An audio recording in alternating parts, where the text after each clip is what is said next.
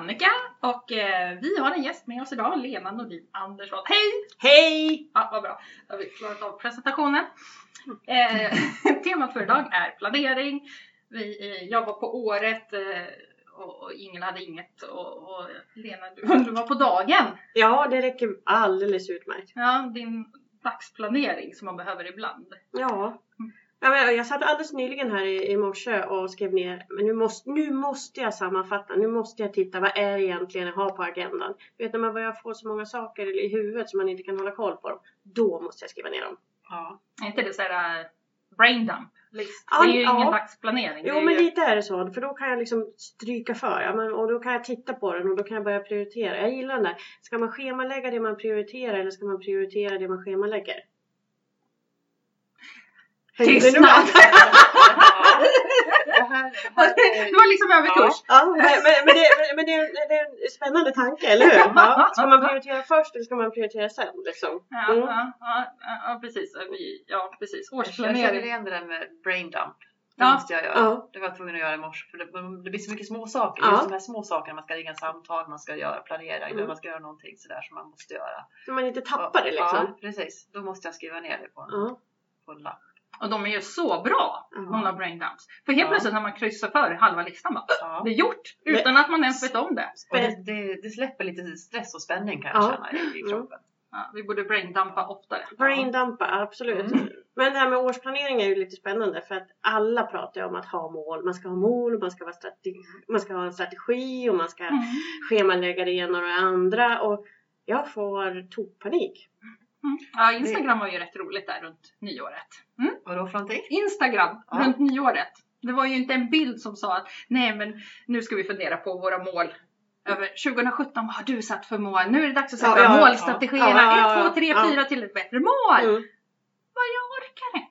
Nej. Nej, Nej. det kände jag nog före jul någon gång. Det var då jag, den boken jag nämnde för dig här som jag, jag lyssnade på en bok som jag blev så oändligt trött på.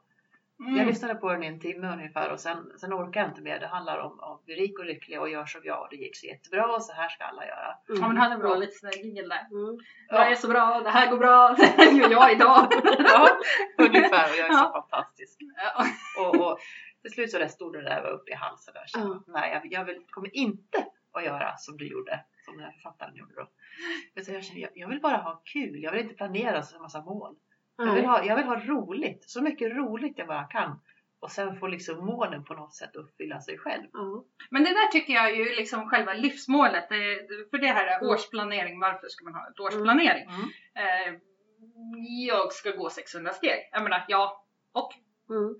Men om man ska säga jag ska ha ett bättre och hälsosamt liv. Ja men det Mm. blir mycket bättre. Så men jag ska vara lycklig varje dag. Eller jag ska Ja. göra något roligt varje dag. Eller nu ska jag må bättre. Det är ju otroligt mycket skojigare mål än att sätta ett 2017. Vad händer då den 31 december? "Åh, Jag uppnådde inte målet. Ja, Vilket precis, mål? 600 precis. stegen? Eller Ja. liksom mindre Mm. lycklig? Mm. Eller är du mer så- lycklig? Då har du ju ändå uppnått det. Ja, eller så, så satsar du så stenhårt, det här kan jag känna igen mig själv, man satsar så stenhårt på att uppfylla det här målet så att man tappar allt annat runt omkring.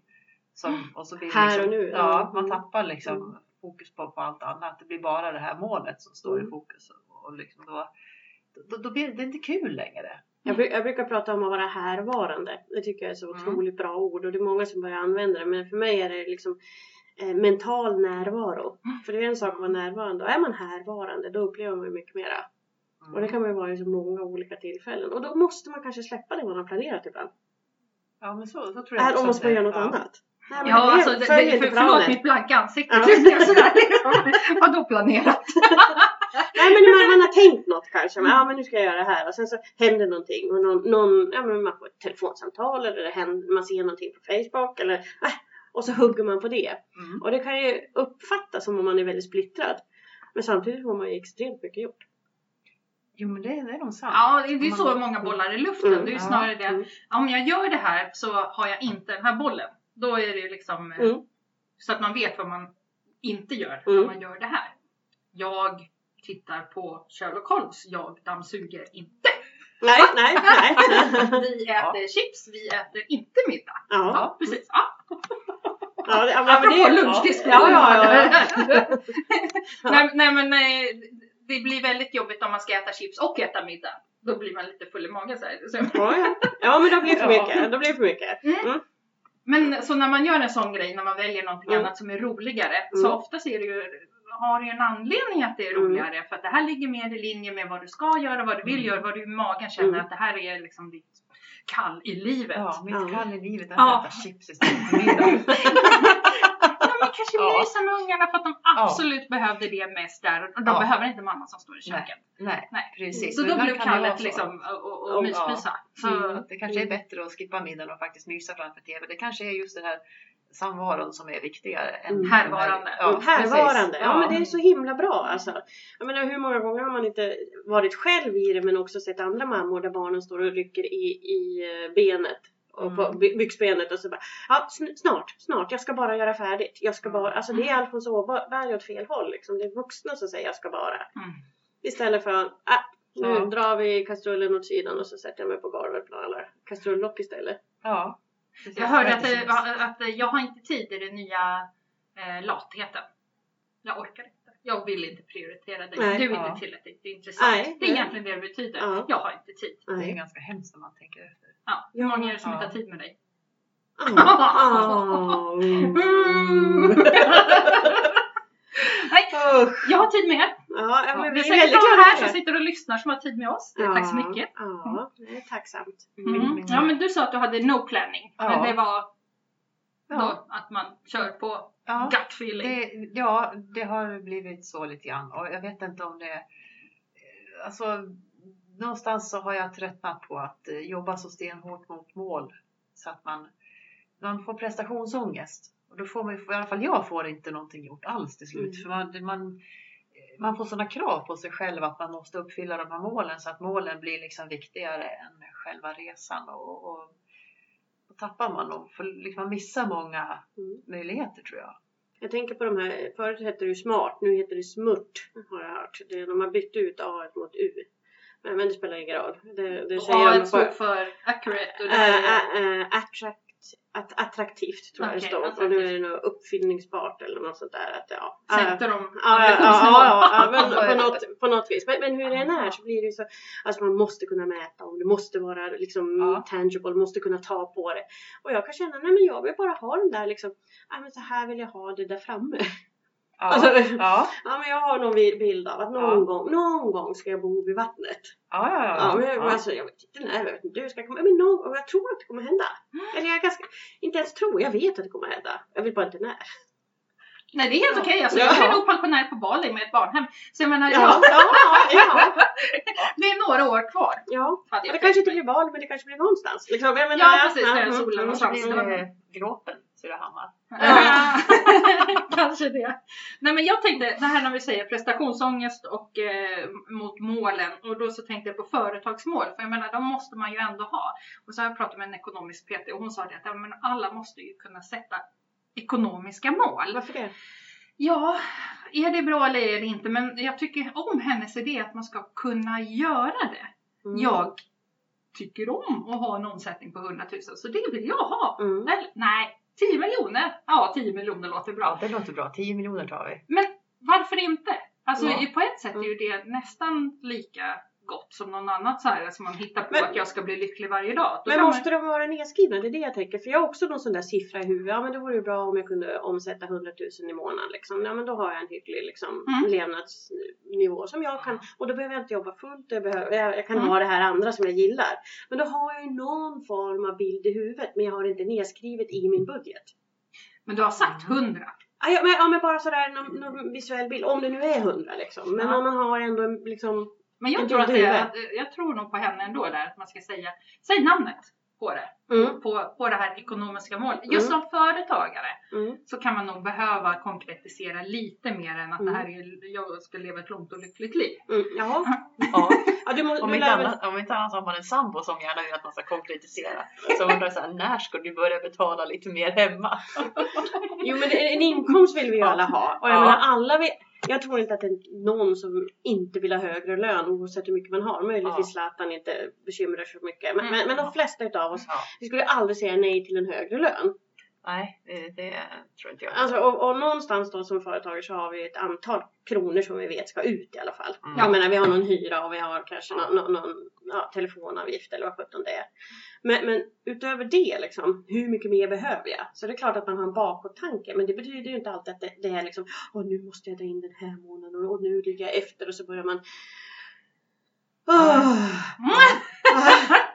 Ja precis, men hur mycket ligger man efter till det? En sak är ju sj- själva brödfödan, att man har ett brödfödejobb. Ja, Jag måste ha, ha, ha det här på, Mm.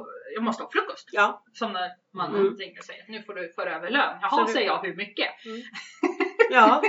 Ja, det vore ju bra om vi hade så mycket på kontot. Mm. Eh, och, men sen är det ju här, vad skulle vi kunna göra mera? Ja. Mm.